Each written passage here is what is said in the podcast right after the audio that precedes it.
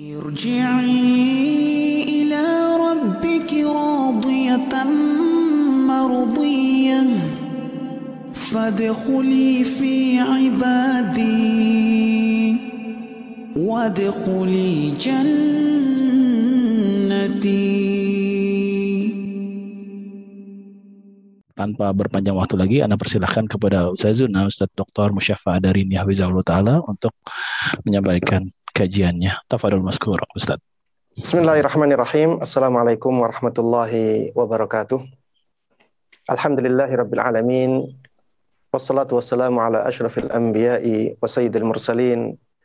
Nabiyyina Muhammadin wa ala alihi wa sahbihi wa man tabi'ahum bi ihsanin ila yamiddin. Jemaah sekalian, yang saya cintai karena Allah Subhanahu wa taala. Alhamdulillah segala puji hanya bagi Allah Subhanahu wa taala yang telah memberikan kemudahan kepada kita untuk bertemu dalam majelis yang mulia ini untuk saling mengingatkan kepada kebaikan, saling mengingatkan kepada ketaatan, kebenaran, saling mengingatkan kepada kehidupan akhirat. Mudah-mudahan Allah Subhanahu wa taala memberikan keberkahan kepada kita semuanya dari pertemuan ini dan mudah-mudahan Allah Subhanahu wa taala sebagaimana memudahkan kita untuk bertemu dalam majelis yang mulia ini, mudah-mudahan juga nantinya Allah Subhanahu wa taala memudahkan kita untuk bertemu di surganya. Amin amin ya rabbal alamin. Tidak lupa selawat dan salam Begitu pula kenikmatan dan keberkahan semoga selalu terlimpahkan dan tercurahkan kepada Nabi yang sangat kita kagumi, sangat kita junjung tinggi dan sangat kita cintai, Nabi Agung Muhammad Sallallahu Alaihi Wasallam. Mudah-mudahan salawat, salam, keberkahan dan kenikmatan tersebut juga tersambungkan kepada seluruh keluarga beliau, seluruh sahabat beliau, dan seluruh kaum muslimin yang mengikuti beliau dan para sahabatnya dengan baik hingga hari akhir nanti. Jamaah Bapak Ibu sekalian yang saya hormati dan saya cintai karena Allah Subhanahu wa taala di suasana yang masih sangat kental dengan perayaan hari raya Idul Fitri. Kita masih di bulan Syawal. Saya ingin ucapkan kepada para jamaah sekalian, taqabbalallahu minna wa minkum salihal a'mal. Semoga Allah Subhanahu wa taala menerima amal-amal saleh kita semuanya dan selamat Hari Raya Idul Fitri 1443 Hijriah. Jamaah sekalian rahimani wa rahimakumullah. Pada kesempatan kali ini saya akan mengangkat tema yang insya Allah sangat bermanfaat untuk kita semuanya. Hingga ajal menjemputmu. Tema ini sebenarnya adalah terjemahan dari firman Allah Subhanahu wa taala di surat Al-Hijr di ayat terakhir. Allah Subhanahu wa taala berfirman, "Wa'bud rabbaka hatta ya'tiyakal yaqin." Beribadahlah engkau wahai Muhammad kepada Rabbmu sampai ajal menjemputmu beribadahlah engkau wahai Muhammad kepada Rabbmu sampai atau hingga ajal menjemputmu. Jemaah sekalian rahimani rahimakumullah. Tema ini sangat penting untuk kita angkat setelah bulan Ramadan selesai. Setelah bulan Ramadan pergi. Sangat banyak pelajaran yang bisa kita dapatkan dari firman Allah ini. Pelajaran yang pertama yang sangat penting dari ayat ini adalah kita harusnya terus un, uh, terus melakukan ibadah kepada Allah Subhanahu wa taala sampai ajal menjemput kita. Bukan sampai bulan Ramadan selesai. Banyak dari saudara-saudara kita kaum muslimin yang hanya semangat ibadah di bulan Ramadan saja. Bulan Ramadan selesai seakan-akan sudah tidak saatnya untuk beribadah lagi. Sehingga yang tadinya semangat membaca Al-Quran, setelah bulan Ramadan selesai, Al-Quran ditinggalkan. Yang tadinya setiap malam ikut sholat tarawih, dan itu adalah sholat malam, ya sekarang tidak sholat malam lagi. Walaupun hanya tiga rakaat. Ya, dua rakaat sholat malam, satu rakaat witir. Itu yang paling uh, ringan dari sholat malam itu pun tidak dia lakukan hanya tiga rakaat saja padahal ketika bulan Ramadan dia sholat sampai ya ada yang sampai 11 rakaat ada yang sampai 23 rakaat ya. Ada yang ada yang tadinya semangat bersedekah di bulan Ramadan. Setelah itu ya setelah bulan Ramadan selesai tidak bersedekah lagi. Ada yang tadinya sangat semangat untuk berpuasa. Di bulan Ramadan kita berpuasa. 30 hari full ya. Atau satu bulan full ya kadang 29 juga. Setelah itu tidak berpuasa sama sekali, tidak ada keinginan untuk berpuasa sama sekali setelah itu. Ya seakan-akan ibadah atau semangat ibadah itu hanya di bulan Ramadan saja. Maka di sini perlu kita ingatkan ya diri kita masing-masing kepada firman Allah Subhanahu wa taala yang kita bahas pada kesempatan kali ini wa'bud rabbaka hatta ya'tiyakal yaqin. Beribadahlah engkau kepada Rabbmu sampai ajalmu menjemputmu. Jamaah sekalian rahimani rahmakumullah. Kehidupan di dunia tidak akan lama. Dari satu sisi itu nikmat. Dari sisi yang lain ya itu uh, merupakan sesuatu yang tidak kita sukai. Ya. Banyak dari kita yang tidak suka dengan kematian. Tidak suka meninggalkan dunia. Tapi sebenarnya jamaah sekalian rahimani wa rahimakumullah, umur yang pendek itu nikmat yang besar dari kita. Apabila kita bisa mengisinya dengan kebaikan. Karena dengan umur yang pendek di dunia ini, kalau kita benar-benar bisa mengisinya dengan ketaatan, maka kesusahan kita di dunia menjadi hanya sebentar. Setelah itu kita mendapatkan kenikmatan yang luar biasa dari Allah Subhanahu wa taala. Kenikmatan yang tidak dicampur dengan kesusahan sama sekali.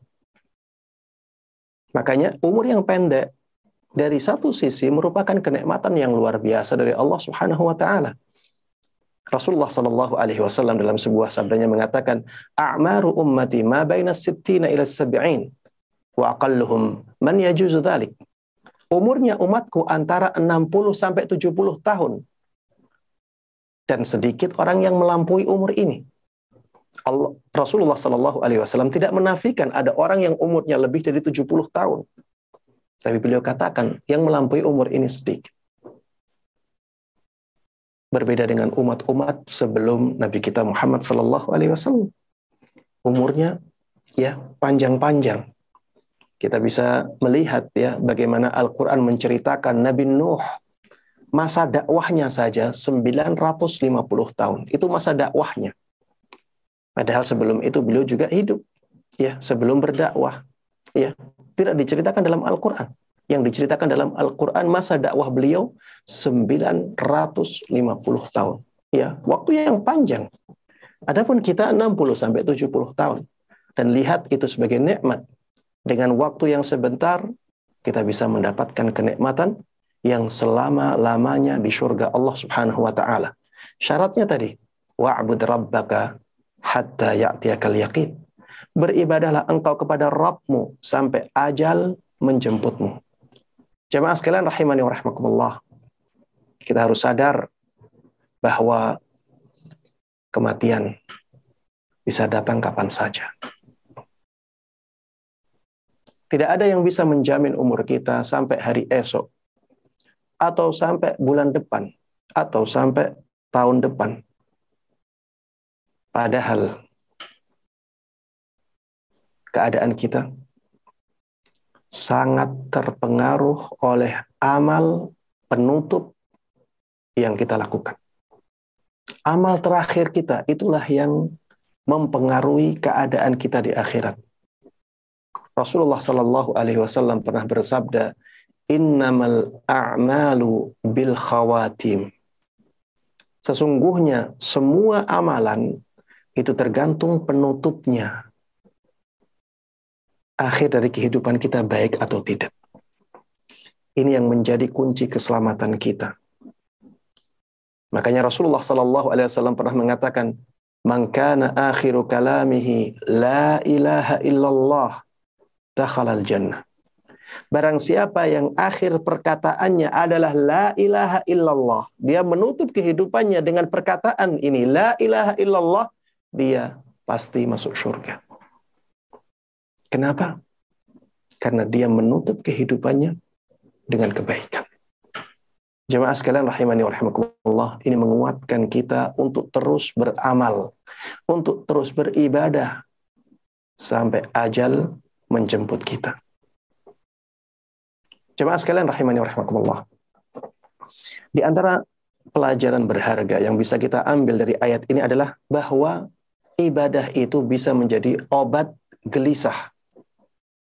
Bisa menjadi obat galau bisa menjadi obat bagi hati yang tidak tenang. Dari mana kita ambil pelajaran berharga ini? Dari konteks firman Allah ini. Wa'bud rabbaka hatta ya'tiyakal yaqin. Beribadahlah engkau kepada Rabbmu sampai ajal menjemputmu. Konteksnya apa ini?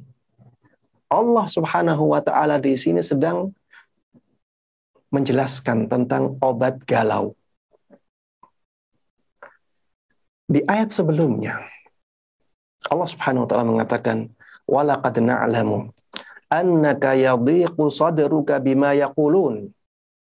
Kami benar-benar tahu wahai Muhammad bahwa sesungguhnya dadamu menjadi sempit karena bulian-bulian mereka.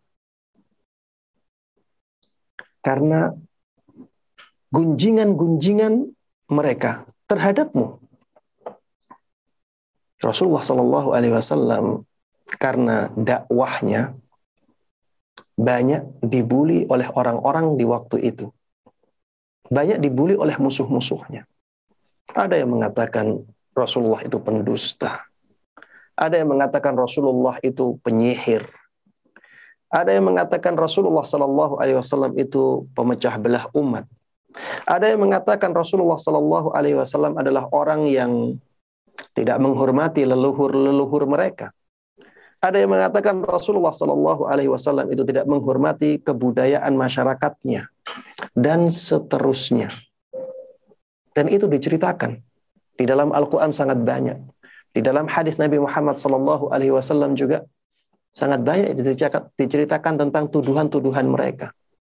Tuduhan-tuduhan itu menjadikan hati Rasulullah Sallallahu Alaihi Wasallam sempit, menjadikan Rasulullah Sallallahu Alaihi Wasallam sangat sedih karena beliau benar-benar ingin kebaikan untuk umatnya, tapi mereka membalasnya dengan ketidakbaikan, membalasnya dengan kezaliman.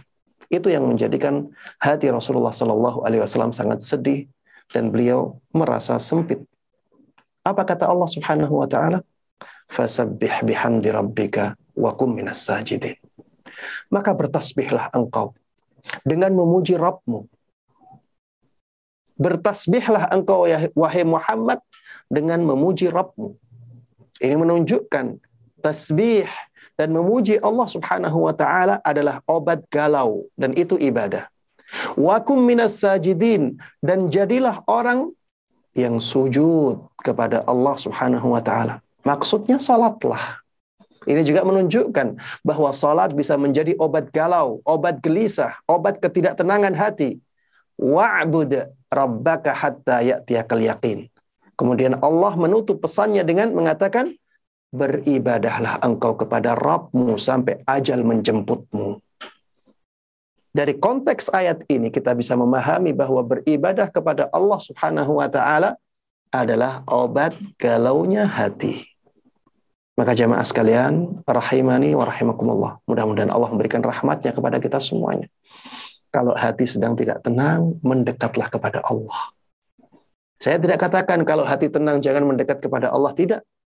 Tapi ketika hati tidak tenang, maka langsung ingat Allah. Ayo kita lebih dekat lagi kepada Allah Subhanahu wa taala. Ayo banyak bertasbih. Allah ayo banyak membaca hamdalah, memuji Allah Subhanahu wa taala. Ayo banyak salat, ayo banyak beribadah kepada Allah Subhanahu wa taala. Termasuk di antara pelajaran yang berharga yang bisa kita ambil dari ayat ini adalah bahwa ibadah itu hanya untuk Allah. Allah katakan wa'bud rabbaka beribadahlah engkau kepada Rabbmu, yaitu Allah subhanahu wa ta'ala. Maka jangan sampai kita beribadah kepada selain Allah. Mungkin ada yang bertanya, apa yang dimaksud dengan ibadah, Ustaz? Ibadah itu jamaah sekalian rahimani wa rahimakumullah adalah semua yang dicintai dan diridai oleh Allah Subhanahu wa taala baik berupa ucapan ataupun berupa perbuatan. Baik itu tampak ataupun tidak tampak. Itulah ibadah. Semua yang dicintai dan diridai oleh Allah Subhanahu wa taala, baik berupa ucapan ataupun perbuatan. Baik itu tampak ataupun tidak tampak. Semua yang dicintai oleh Allah itu merupakan ibadah kepada Allah Subhanahu wa taala.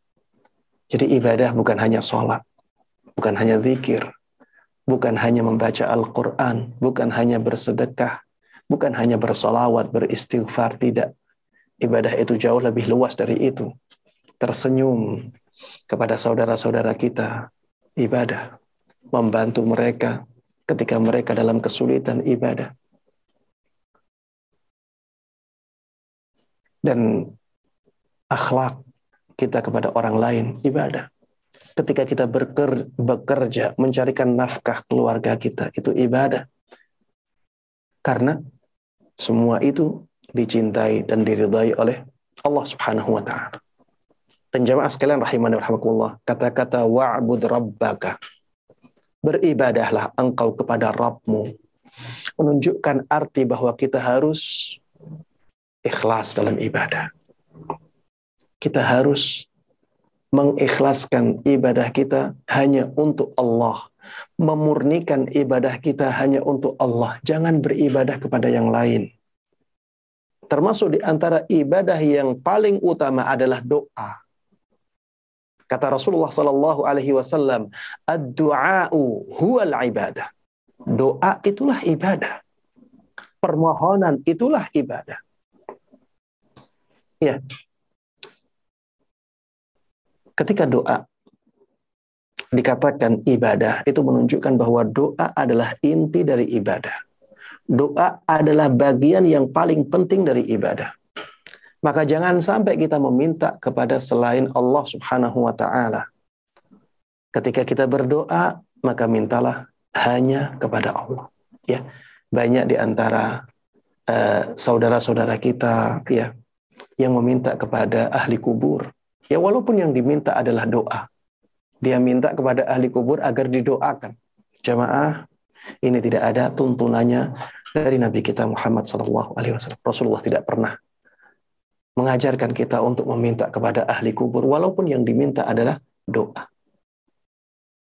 Bahkan Allah Subhanahu wa taala dalam Al-Qur'an mengatakan wa idza sa'alaka ibadi anni fa inni qarib Apabila hamba-hambaku bertanya kepadamu, wahai Muhammad, tentang aku, tentang Allah subhanahu wa ta'ala, maka jawablah bahwa sesungguhnya aku itu dekat, tidak perlu perantara. Di dalam ayat yang lain Allah subhanahu wa ta'ala mengatakan, Wa qala rabbukum ud'uni astajib lakum. Tuhan kalian, Rabb kalian mengatakan, Ud'uni. Berdoalah kalian kepadaku. Memintalah kalian kepadaku. Astajib lakum Aku ijabai permintaan-permintaan kalian. Aku ijabai doa-doa kalian. Allah tidak mengatakan, datanglah kepada ahli kubur, kemudian mintalah mereka doa agar ahli kubur meminta kepada Allah. Allah tidak katakan demikian. Allah katakan, udu'uni. Mintalah kalian kepada aku. Berdoalah kalian kepada aku.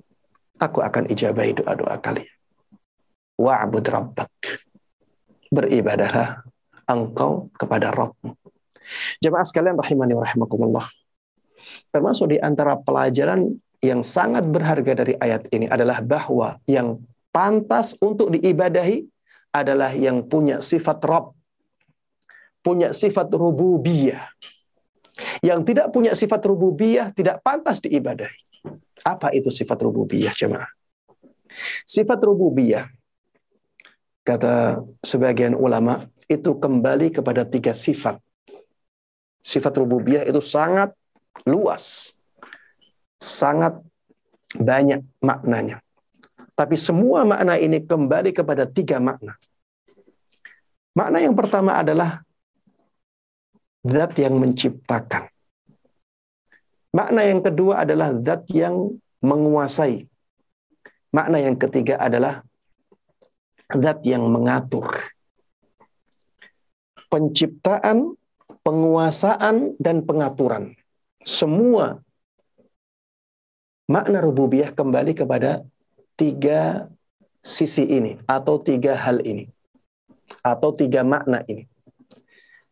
Sehingga kita bisa menyimpulkan bahwa yang berhak diibadahi hanyalah zat yang menciptakan kita, menguasai kita, dan mengatur kita. Zat yang berhak diibadahi, yang pantas diibadahi adalah zat yang menciptakan kita. Allah Subhanahu wa taala dialah yang menciptakan kita. Zat yang menguasai kita, Allah lah yang memiliki kita, Allah lah yang menguasai kita. Zat yang mengatur kita, Allah lah, hanya Allah yang bisa mengatur kehidupan kita. Kehidupan kita dari mulai bayi sampai nanti kita meninggal semuanya diatur oleh Allah Subhanahu wa taala. Itulah zat yang pantas untuk diibadahi. Wa'bud rabbak. Makanya di dalam ayat yang lain Allah Subhanahu wa taala mengatakan ya ayyuhan nas u'budu rabbakum. Wahai seluruh manusia, beribadahlah kalian kepada Rabb kalian. Sifatnya apa?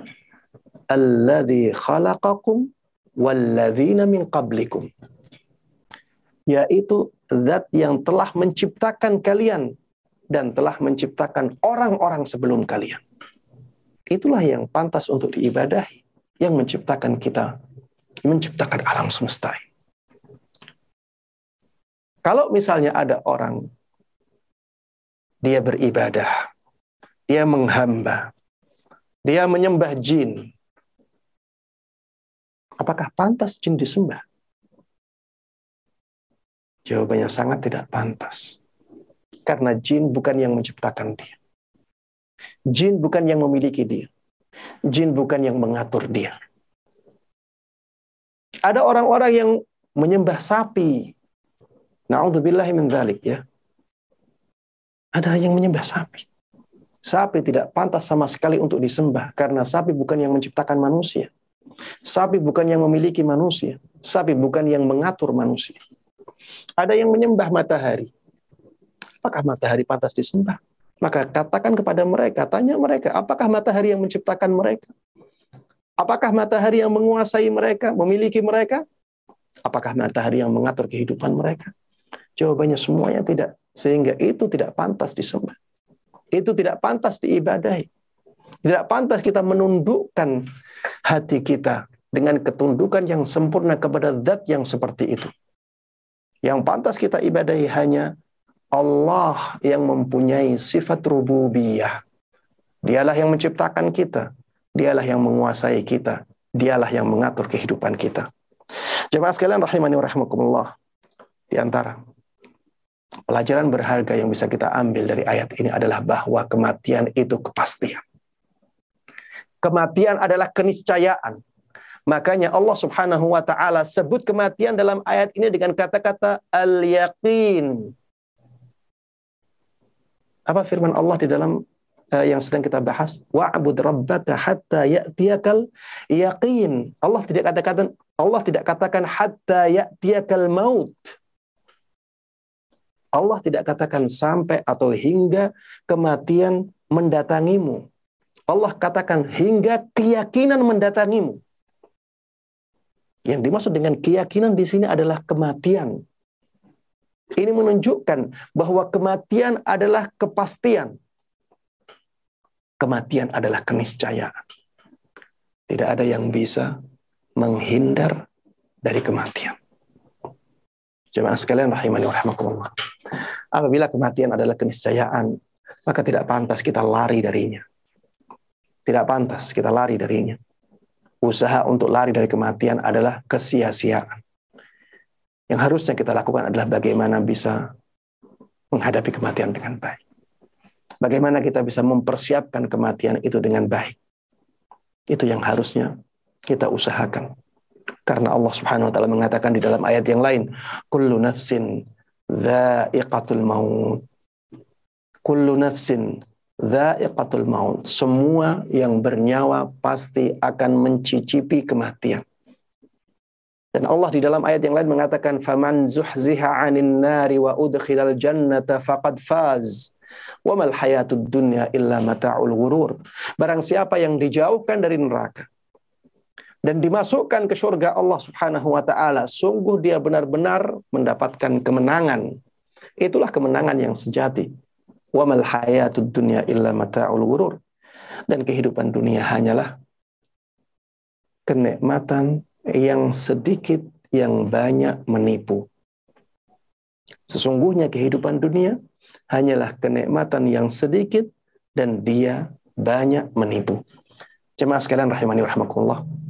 Ketika kita tahu bahwa kematian adalah kepastian, kematian adalah keniscayaan, maka persiapkan kematian itu dengan baik. Bersiaplah untuk menjemput kematian kita dengan terus mengisi kehidupan kita dengan amal-amal ibadah kepada Allah Subhanahu wa taala. Jemaah sekalian rahimani wa rahimakumullah. Termasuk di antara pelajaran berharga dari, dari ayat ini adalah bahwa yang mendatangi kita adalah kematian.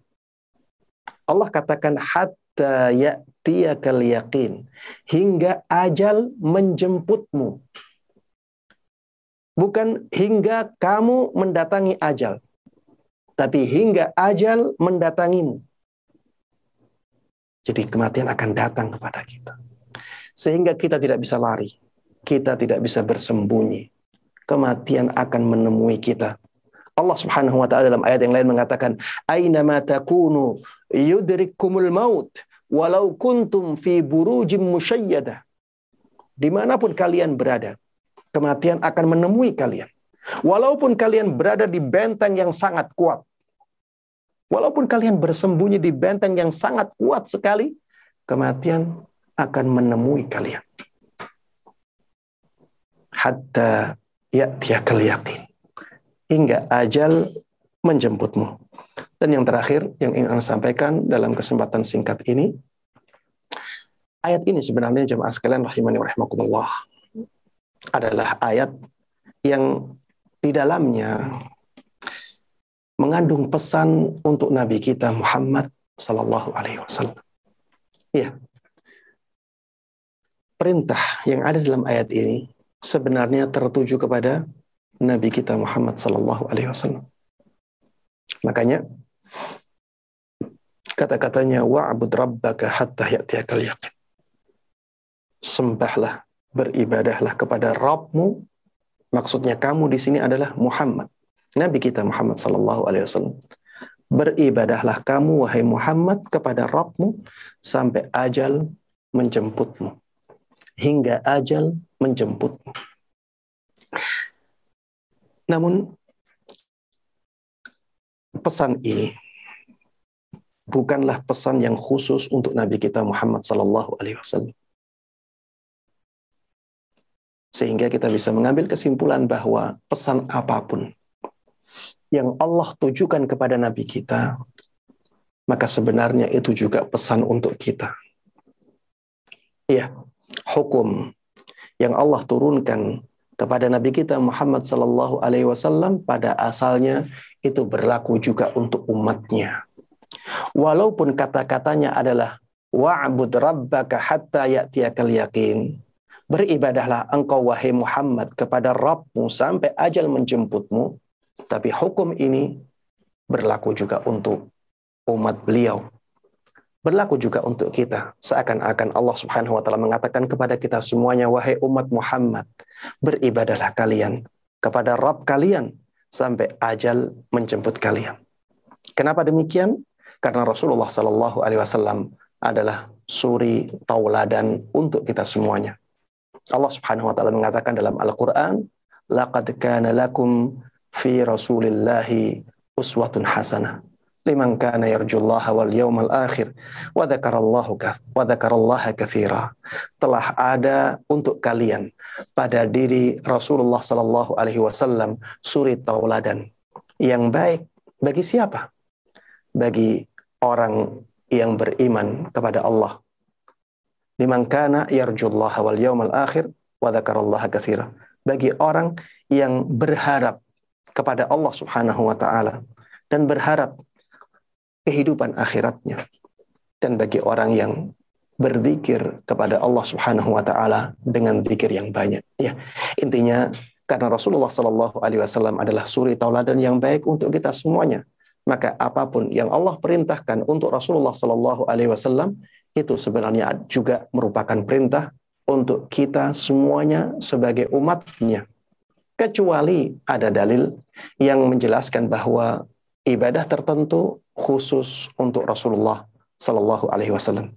Maka jemaah sekalian rahimani rahimakumullah. Ketika kita beribadah, maka kita harus mengikuti Rasulullah Shallallahu Alaihi Wasallam. Jangan sampai kita beribadah tapi tidak sesuai dengan tuntunan beliau. Jemaah sekalian rahimani wa. Di zaman akhir ini dan kita hidup di dalamnya. Banyak orang-orang yang beribadah kepada Allah tapi tidak mengikuti tuntunan Rasulullah Sallallahu Alaihi Wasallam. Ada banyak orang yang datang kepada kita menganjurkan sesuatu. Ini loh ada amalan ibadah yang sangat kita butuhkan sangat bermanfaat kepada kita uh, bagi kita. Kemudian dia sebutkan amalannya. Kalau kita tanya, apakah dulu Rasulullah melakukannya? Dia mengatakan tidak. Apakah dulu para sahabat yang melakukannya? Dia katakan tidak. Terus amalan ini dari siapa? Amalan ini dari si fulan, dari si fulan, dari si fulan. Kita runut ternyata amalan itu tidak sampai kepada Rasulullah Sallallahu Alaihi Wasallam. Maka amalan-amalan yang seperti ini harusnya kita jauhi. Harusnya kita ganti dengan amalan-amalan ibadah yang jelas dan valid datangnya dari Nabi kita Muhammad sallallahu alaihi wasallam. Jamaah sekalian rahimani wa rahimakumullah, ibadah tidak bisa dikatakan sebagai ibadah kecuali apabila dia memiliki dua syarat kecuali apabila dua syarat terpenuhi padanya. Syarat yang pertama, dia benar-benar sesuai dengan tuntunan dari Rasulullah Sallallahu Alaihi Wasallam. Syarat yang kedua, dia melakukannya hanya untuk Allah Subhanahu wa Ta'ala. Jangan sampai kita melakukan ibadah ikhlas karena Allah tapi tidak ada tuntunannya dari Nabi kita Muhammad Sallallahu Alaihi Wasallam. Jangan sampai juga sebaliknya kita sudah mengikuti tuntunan Rasulullah Shallallahu Alaihi Wasallam, tapi ternyata kita tidak ikhlas dalam melakukannya. Tanpa salah satu dari dua syarat itu, sesuatu tidak bisa dianggap sebagai ibadah dan tidak diterima oleh Allah Subhanahu Wa Taala. Kita harus melakukan dua-duanya. Ya, kita harus melakukan ibadah sesuai dengan tuntunan dan ketika kita melakukannya kita benar-benar ikhlas untuk mengharapkan pahala dari Allah Subhanahu wa taala. Demikian jemaah sekalian rahimani rahimakumullah yang bisa saya sampaikan dalam kesempatan yang singkat ini. Mudah-mudahan yang kita singgung, kita bahas bersama dalam majelis ini bermanfaat bagi kita semuanya. Mudah-mudahan Allah berkahi kita, mudah-mudahan Allah berkahi untuk kita dan mudah-mudahan Allah Subhanahu wa taala memudahkan kita untuk mengamalkannya dan menyebarkannya kepada orang lain. Amin amin ya rabbal alamin. Sallallahu wasallama wa baraka ala nabiyyina Muhammadin wa ala alihi wa sahbihi wa man tabi'ahum bi ihsanin ila yaumiddin. Walhamdulillahi rabbil alamin. Masya Allah. Jazakallah khair Ustaz atas taujihnya dan insya Allah dari uh, ayat yang ringkas wa'bud rabbaka hatta ya'tiyakal yakin ternyata banyak poin-poin yang kita bisa uh, uh, manfaatkan dan kita bisa uh, petik hikmahnya, masya Allah. Baik, uh, kita beralih ke sesi tanya jawab. Silahkan jika guru-guru kami senior dan profesor semua yang uh, jika ada pertanyaan.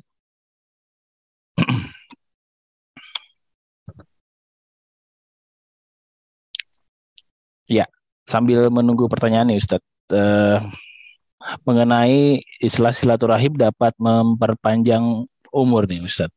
Itu uh, bagaimana kita uh, memaknai hal tersebut? Bukankah ajal itu sudah atau umur itu sudah ditetapkan gitu uh, secara takdir?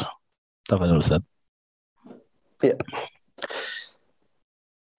Bagaimana kita memaknai hadis Nabi Muhammad sallallahu alaihi wasallam man sarrahu ayyub satalahu fi rizqihi wa ayyun sa'alahu fi atharihi falyasil rahimah. Barang siapa yang ingin rizkinya dilapangkan, ingin ajalnya dipanjangkan, umurnya dipanjangkan, maka lakukanlah silaturahim. Apakah ini bertentangan dengan penjelasan bahwa ajal itu sudah ditentukan dan bahwa rizki itu juga sudah ditentukan. Ajal sudah ditentukan kadarnya. Begitu pula rizki sudah ditentukan ajalnya. Bagaimana ada hadis seperti ini? Jawabannya jemaah sekalian rahimani wa rahimakumullah. Takdir ya. Itu ada yang bisa dihapus. Ada yang tidak bisa dihapus.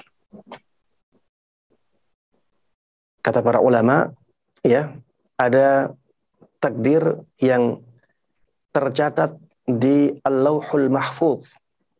Tercatat di Al-Lauhul Mahfuz dan itulah yang disebut sebagai Ummul Kitab. Takdir yang sudah dicatat oleh Allah di Al-Lauhul Mahfuz itu tidak akan berubah Sedangkan takdir yang ada di tangan malaikat. Takdir yang ada dalam catatan malaikat itu bisa dihapus. Di dalam Al-Quran Allah sebutkan Yamhullahu ma yasha'u wa yuthbit wa indahu ummul kitab. Allah bisa menghapus Allah juga bisa menetapkan. Ya, maksudnya menetapkan sesuatu. Allah bisa menghapus sesuatu atau tulisan takdir. Allah juga bisa menetapkan takdir itu. Wa indahu ummul kitab. Dan di sisi Allah Subhanahu wa taala ada ummul kitab yaitu takdir yang ada di lau, di Allahul Mahfuz. Itulah penafsiran para para ulama. Sehingga di sana ada dua takdir. Takdir yang ada di tangan malaikat dan takdir yang ada di Allahul Mahfuz. Takdir yang ada di tangan malaikat itu bisa berubah sesuai dengan usaha kita. Tapi usaha kita tidak akan keluar dari catatan takdir yang ada di Allahul Mahfuz.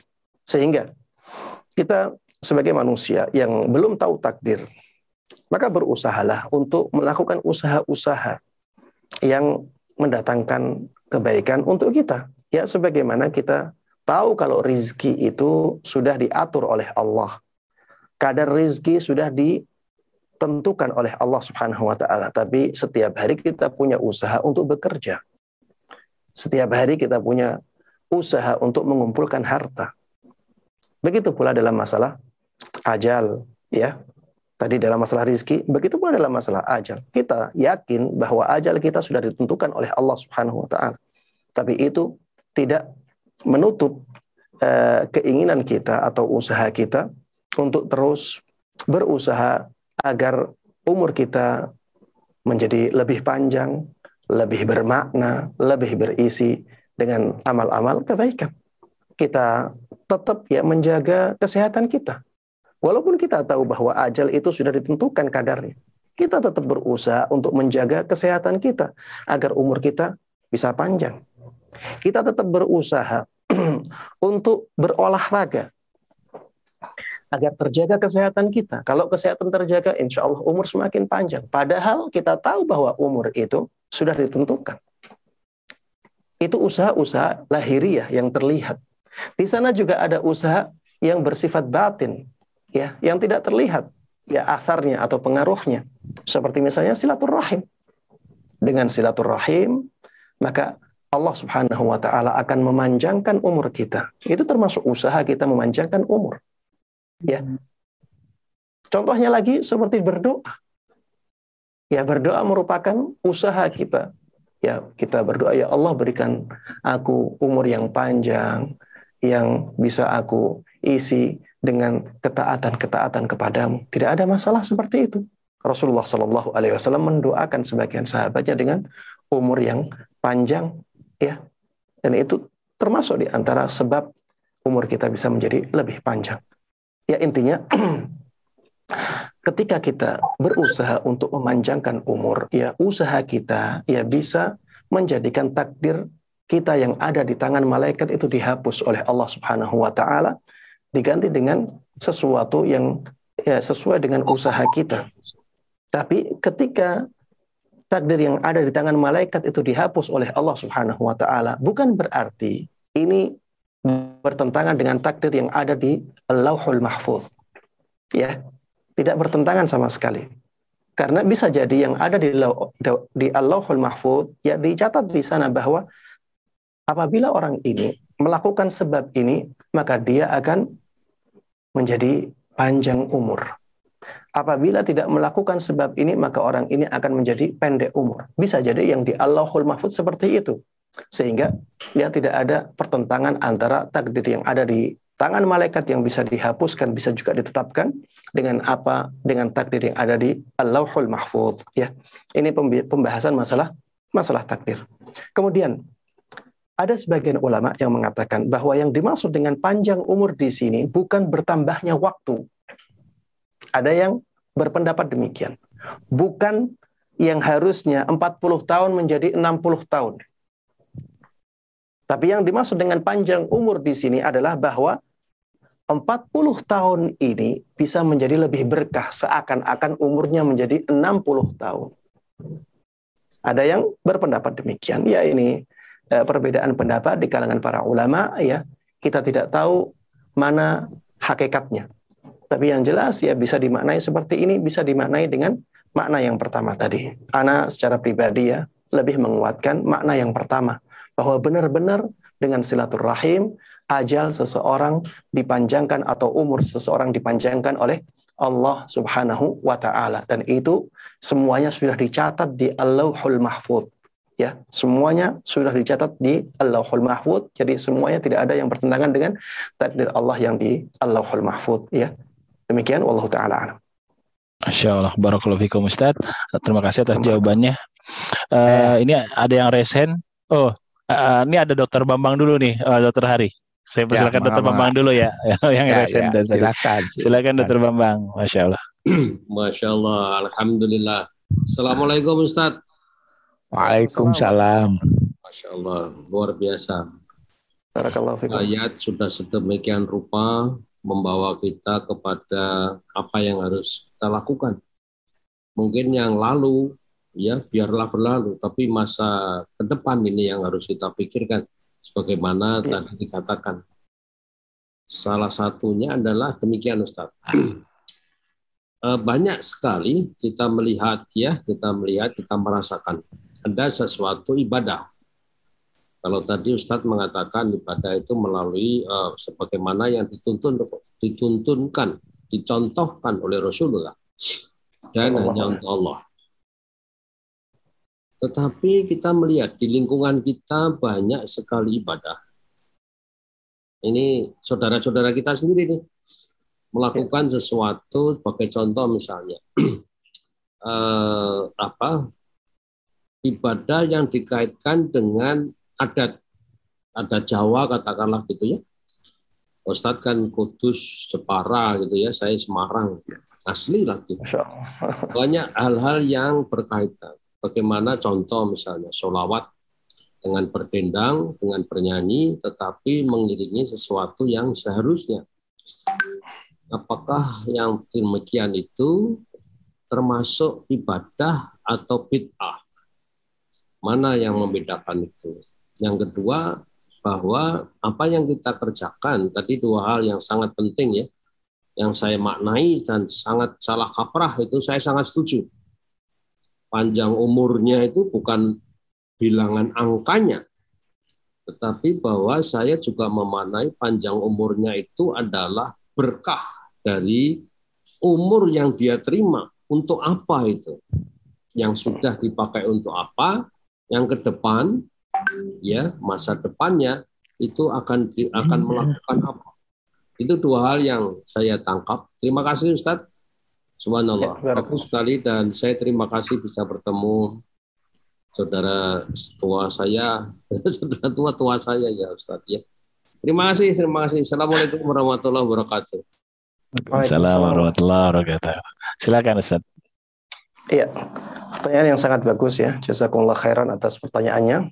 Iya, tadi disebutkan bahwa di eh, daerah kita ya banyak eh, ibadah-ibadah yang dipadukan dengan kebudayaan setempat ya. Banyak ibadah-ibadah yang dipadukan dengan kebudayaan setempat. Apakah ya eh, yang seperti itu masih sesuai dengan tuntunan ataukah tidak? Jemaah sekalian rahimani rahimakumullah, ya. Kita harus tahu bahwa Islam itu sangat menghormati kebudayaan. Ya. Islam itu sangat menghormati kebudayaan. Makanya ya kita kalau hidup di Indonesia ya kita sebaiknya mengikuti kebudayaan yang ada di Indonesia selama kebudayaan tersebut tidak bertentangan dengan syariat. Ya, seperti misalnya cara berpakaian. Kalau kita lihat di daerah kita, orang-orang biasa berpakaian dengan menggunakan sarung, ya, maka sebaiknya kita mengikuti kebudayaan itu. Mengikuti cara berpakaian masyarakat kita dengan menggunakan sarung misalnya. Karena sarung itu kebudayaan kita dan sarung tidak bertentangan dengan syariat Islam. Kalau misalnya kita dapati dalam masyarakat kita, ya, pakaiannya biasanya memakai pakaian batik, ya, maka ada baiknya kita menggunakan batik di masyarakat kita, karena batik itu adalah eh, bagian dari kebudayaan dan batik tidak bertentangan dengan syariat Islam, kecuali ya apabila di batiknya itu ada gambar-gambar makhluk bernyawa, itu urusan lain ya. Yang ada gambar makhluk bernyawanya tidak boleh. Tapi kalau batiknya tidak ada gambar makhluk bernyawa, dia hanya berupa gambar-gambar misalnya daun, ya bunga, ya. Ya, seperti yang saya pakai, ya.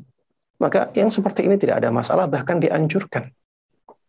Karena menyesuaikan diri dengan kebudayaan yang ada di masyarakat kita. Rasulullah Shallallahu Alaihi Wasallam dulu juga demikian, karena adat kebiasaan di masyarakat beliau adalah menggunakan izar dan rida, maka itu yang beliau pakai dalam kehidupan sehari-hari. Beliau pakai izar. Izar itu kayak kalau di Indonesia seperti selendang, ya, seperti tapeh orang Indonesia ya di orang Jawa. Jadi dia hanya kalau orang sekarang seperti pakaian ihram, tapi tidak harus putih warnanya. Bisa berwarna-warni. Itu izar itu yang bagian bawah, rida itu yang bagian atas. Jadi dia hanya ya dua helai kain yang dipakai di tubuh. Yang bawah itu namanya izar, yang atas itu namanya rida. Dulu pakaian adat Rasulullah Shallallahu Alaihi Wasallam seperti itu. Kadang beliau juga memakai komis, ya Komis itu seperti pakaian uh, orang Saudi di zaman ini. Dia uh, uh, jubah, ya seperti jubah. Itu juga pakaian adat di zaman Nabi Muhammad Sallallahu Alaihi Wasallam. Kemudian Rasulullah Sallallahu Alaihi Wasallam di masa beliau beliau pakai imamah, pakai surban beliau. Tidak memakai seperti orang Saudi sekarang, pakai shimal namanya, ya kayak kerudungnya orang kita Ya Rasulullah tidak pakai seperti itu. ya, tapi yang dipakai oleh beliau adalah sorban yang diikatkan uh, di kepala beliau. Kenapa beliau seperti itu? Karena memang pakaian adat di zaman beliau seperti itu. Dan beliau tidak menyelisih adat-adat yang tidak bertentangan dengan syariat. Ya, kita juga demikian. Apabila adat-adat tersebut tidak bertentangan dengan syariat, ya, maka kita bisa jaga adat itu, kita bisa lestarikan. Tapi apabila adat tersebut bertentangan dengan syariat, maka kita harus mendahulukan syariatnya. Ya. Jadi di dalam Islam kita punya kaedah al-islamu ya'lu wa la yu'la alaih. Jadi Islam itu harus yang berada di atas, ya. Jadi jangan sampai Islam dikalahkan. Jangan sampai Islam dikalahkan. Dan Islam ketika ditaruh di paling atas, dia akan memuliakan manusia. Dia akan mengayomi manusia dengan kebaikan, dengan ke, dengan kebaikan-kebaikan, kebijaksanaan-kebijaksanaan. Ya, jadi kita harus tetap mendahulukan Islamnya. Karena Islam adalah aturan dari Allah Subhanahu wa taala sedangkan kebudayaan adalah produk manusia. Ya, aturan dari Allah harus kita taruh di atas produk manusia. Ya, sehingga kalau ada ya kebudayaan-kebudayaan yang itu merupakan produk manusia bertentangan dengan aturan Allah, maka kita harus ya eh, lapang dada untuk meninggalkan kebudayaan tersebut kemudian kita menggantinya dengan kebudayaan-kebudayaan kebudayaan yang tidak bertentangan dengan uh, syariat Islam ya. Dan subhanallah ya sebenarnya syariat Islam itu sangat longgar dalam masalah kebudayaan. Makanya para ulama merumuskan ya sebuah kaedah bahwa dalam masalah kebudayaan tidak harus ada dalil yang menjelaskan itu boleh. Tidak harus ada dalil khusus yang menjelaskan bahwa memakai batik itu boleh. Tidak dalam kebudayaan eh, batasannya adalah yang penting tidak ada dalil yang menyelisihi. Yang penting tidak bertentangan dengan dalil. Itu saja. Ya, dan ini sebuah kelonggaran yang sangat uh, uh, banyak yang diberikan oleh oleh syariat. Ya, kembali kepada pertanyaan tadi, apabila ibadah yang digabungkan dengan kebudayaan ternyata menyelisihi nilai-nilai Islam, ya, ternyata bertentangan dengan Eh, aturan-aturan Islam, maka kita harus bersihkan ya ibadah tersebut dari kebudayaannya. Tapi kalau misalnya setelah dipadukan pun ya e, ibadah tersebut masih selaras dengan nilai-nilai Islam, maka menjadi tidak ada masalah. Ya seperti misalnya ya kebudayaan silaturahim setelah hari raya. Itu sangat e, sangat marak di negeri kita. Eh, saling memaafkan di uh, momen hari raya ini uh, kebudayaan yang ada di negeri kita. Ya mungkin di zaman dulu ya tidak tidak tidak ada yang seperti itu. Tapi kebudayaan ini tidak bertentangan dengan syariat Islam, dengan nilai-nilai Islam. Ya, ya merayakan hari raya bisa dengan hal-hal uh, yang tidak disebutkan di dalam syariat, tapi yang penting syariat tidak melarangnya itu saja. Sehingga kalau misalnya eh, di momen hari raya orang berkumpul, keluarga-keluarga besar berkumpul, kemudian saling memaafkan, saling meminta maaf, ya ini merupakan suatu yang sangat bagus ya di momen hari raya. Ini kebudayaan dan tidak bertentangan dengan syariat Islam. Kalau misalnya ditambahi dengan eh, misalnya ada eh, mau itu hasanah atau ada kajian di dalamnya menjadi lebih baik lagi. Ya, kalau misalnya ditambahi dengan misalnya ada ayo kita arisan keluarga untuk meng, mempererat tadi kekeluargaan. Ada itu lebih bagus lagi. Ya seperti ini ya saya contohkan ya untuk memberikan penjelasan bahwa ketika ibadah dan kebudayaan digabungkan bisa jadi dalam keadaan tertentu dia sangat selaras, tetap selaras dengan nilai-nilai Islam, bisa jadi ya bertentangan dengan nilai-nilai Islam. Ya, eh, yang dilarang adalah ketika eh, kebudayaan tersebut menjadikan eh, ibadahnya benar sudah bertentangan dengan syariat Islam atau tidak sesuai dengan tuntunan sama sekali. Ya demikian Allah taala alam. Masya Allah. Jazakallah khair Ustaz atas uh, pencerahannya. Ini waktu kita nih yang terbatas nih karena sudah sudah kita ada yang dari Wita ya. Oh, iya. Tapi pertanyaan terakhir dari Dokter Hari mungkin. Silakan Dokter Hari. Ini ada guru saya dari Bandung nih Ustaz. Masya Allah. Barakallahu fi. Silakan Dokter Hari di unmute dulu. Okay. Sudah ada? Ada, ada. Halo. Ya. Ada ya? Ada Ustaz. Ah, jadi begini Pak Ustadz, kita tahu ya hubungan manusia itu hablum minallah, hablum minanas ya, vertikal, ya. horizontal. Nah, jadi dalam kehidupan sehari-hari ya kita banyak berbuat salah. Kalau kita berbuat salah hablum minallah kepada Allah itu nggak ada masalah ya, karena kita tahu Allah maha pengasih, maha penyayang. Kita mas, pasti akan diampuni ya uh, apa namanya uh, Allah itu maha pemaaf ya Allahumma innaka afuwun karim tuhibul afwa fa'fu ya itu yang sering kita baca. Nah, tapi ini hubungan manusia nih ya.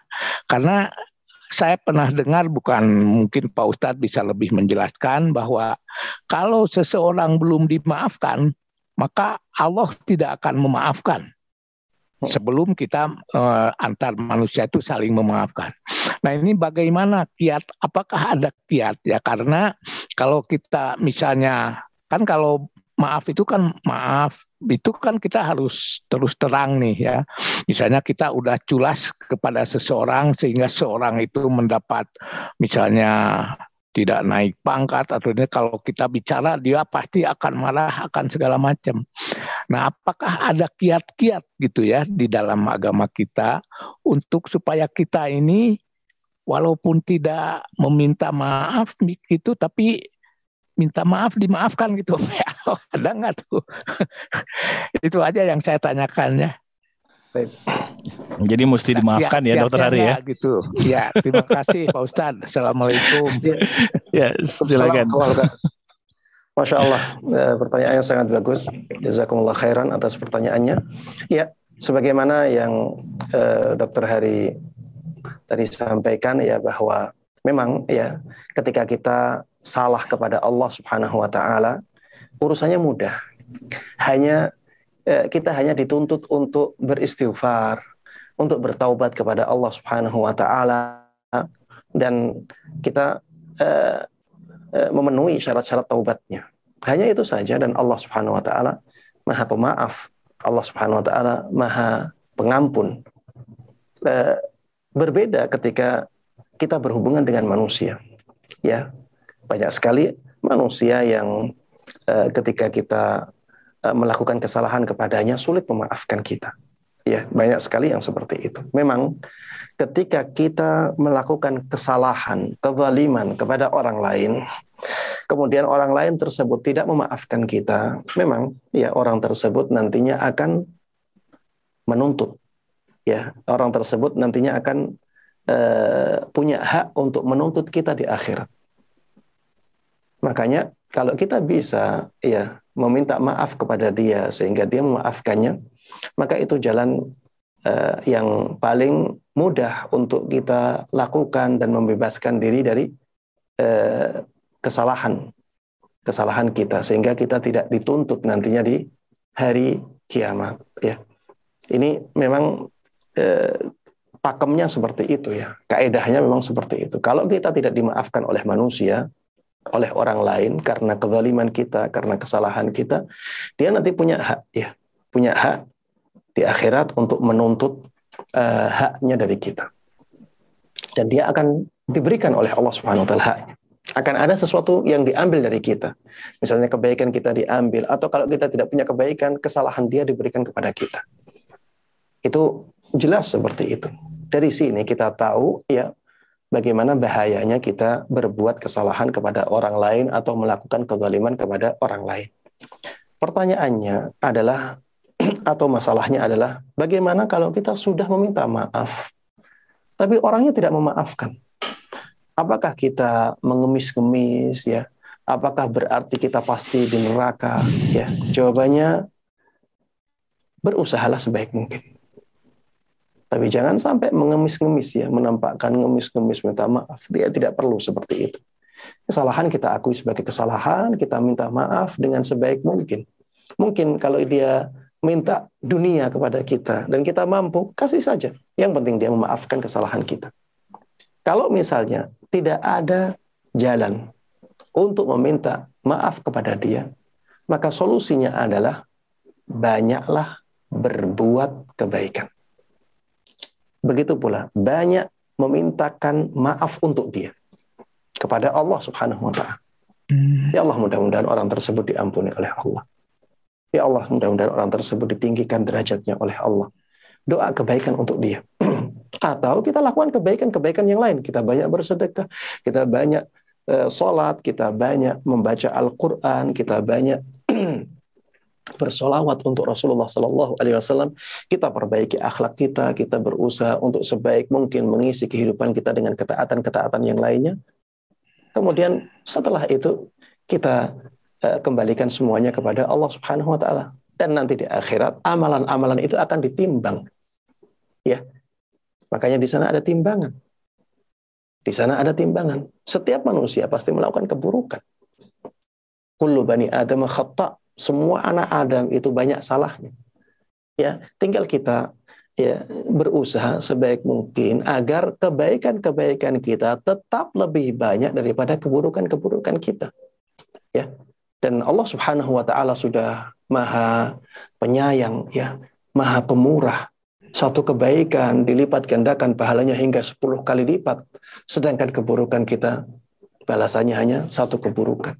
Ini sudah merupakan sesuatu yang sangat luar biasa, ya, kebaikan yang sangat luar biasa, kasih sayang yang sangat luar biasa dari Allah Subhanahu wa taala kepada kita. Ya, fokuslah untuk memperbanyak amal-amal kebaikan sehingga amal-amal kebaikan itu kalaupun nantinya diambil oleh orang-orang yang kita zalimi, kita masih punya banyak kebaikan yang bisa memasukkan kita ke dalam surga Allah Subhanahu amin. wa taala. Ya mudah-mudahan bisa difahami dengan Amin. Amin. Amin. Masya Allah. Baik Ustadz. Baik terakhir mungkin untuk ke sebagai benang merah Ustadz kesimpulan dari apa yang sudah dipaparkan dan tanya jawab juga uh, dan uh, event silaturahmi kali ini sekaligus mungkin minta doanya Ustadz untuk para dokter-dokter kita nih para konsultan hematologi onkologi anak yang bergerak di bidang penyakit uh, anak yang sangat berat penyakitnya Ustadz kelainan darah dan kanker ya yang mungkin juga uh, ada di satu atau dua uh, penyakit yang belum ada obatnya. Kita mohon uh, penguatannya, Ustaz. Silakan, Ustaz. Baik. Uh, Bismillah, wassalatu wassalamu ala rasulillah. wa ala alihi wa sahbihi wa man tabi'ahudah. Saya berdoa dengan nama-nama Allah yang agung, dengan nama-nama Allah yang paling baik dan dengan sifat-sifat Allah yang maha mulia. Mudah-mudahan Allah Subhanahu wa taala memberikan kemudahannya kepada kita semuanya dalam uh, tugas-tugas kita. Mudah-mudahan Allah Subhanahu wa taala menjauhkan kita semuanya dari penyakit. Mudah-mudahan Allah Subhanahu wa taala menghilangkan penyakit-penyakit uh, dari atau dengan perantara kita. Hmm. Mudah-mudahan pasien-pasien yang kita tangani benar-benar diberikan kesembuhan yang sempurna oleh Allah Subhanahu wa taala dan kesembuhan yang uh, segera. Mudah-mudahan Allah Subhanahu wa taala menjadikan kita semuanya orang-orang yang benar-benar banyak manfaatnya untuk orang lain sehingga kita menjadi orang-orang yang terbaik ya dan mudah-mudahan Allah Subhanahu wa taala menguatkan kita dalam eh, tugas-tugas uh, yang Amin. mulia ini meneguhkan kita di atas kebenaran, di atas jalan yang lurus, di atas sunnah Nabi Muhammad sallallahu alaihi wasallam sampai ajal menjemput kita dalam keadaan husnul khatimah. Amin ya amin ya rabbal alamin. Wa sallallahu wasallama wa baraka ala nabiyyina Muhammadin wa ala alihi wa sahbihi wa man tabi'ahum bi ihsanin ila yaumiddin. Walhamdulillahi Rabbil Alamin. ارجعي إلى ربك راضية مرضية. فادخلي في عبادي. وادخلي جنتي.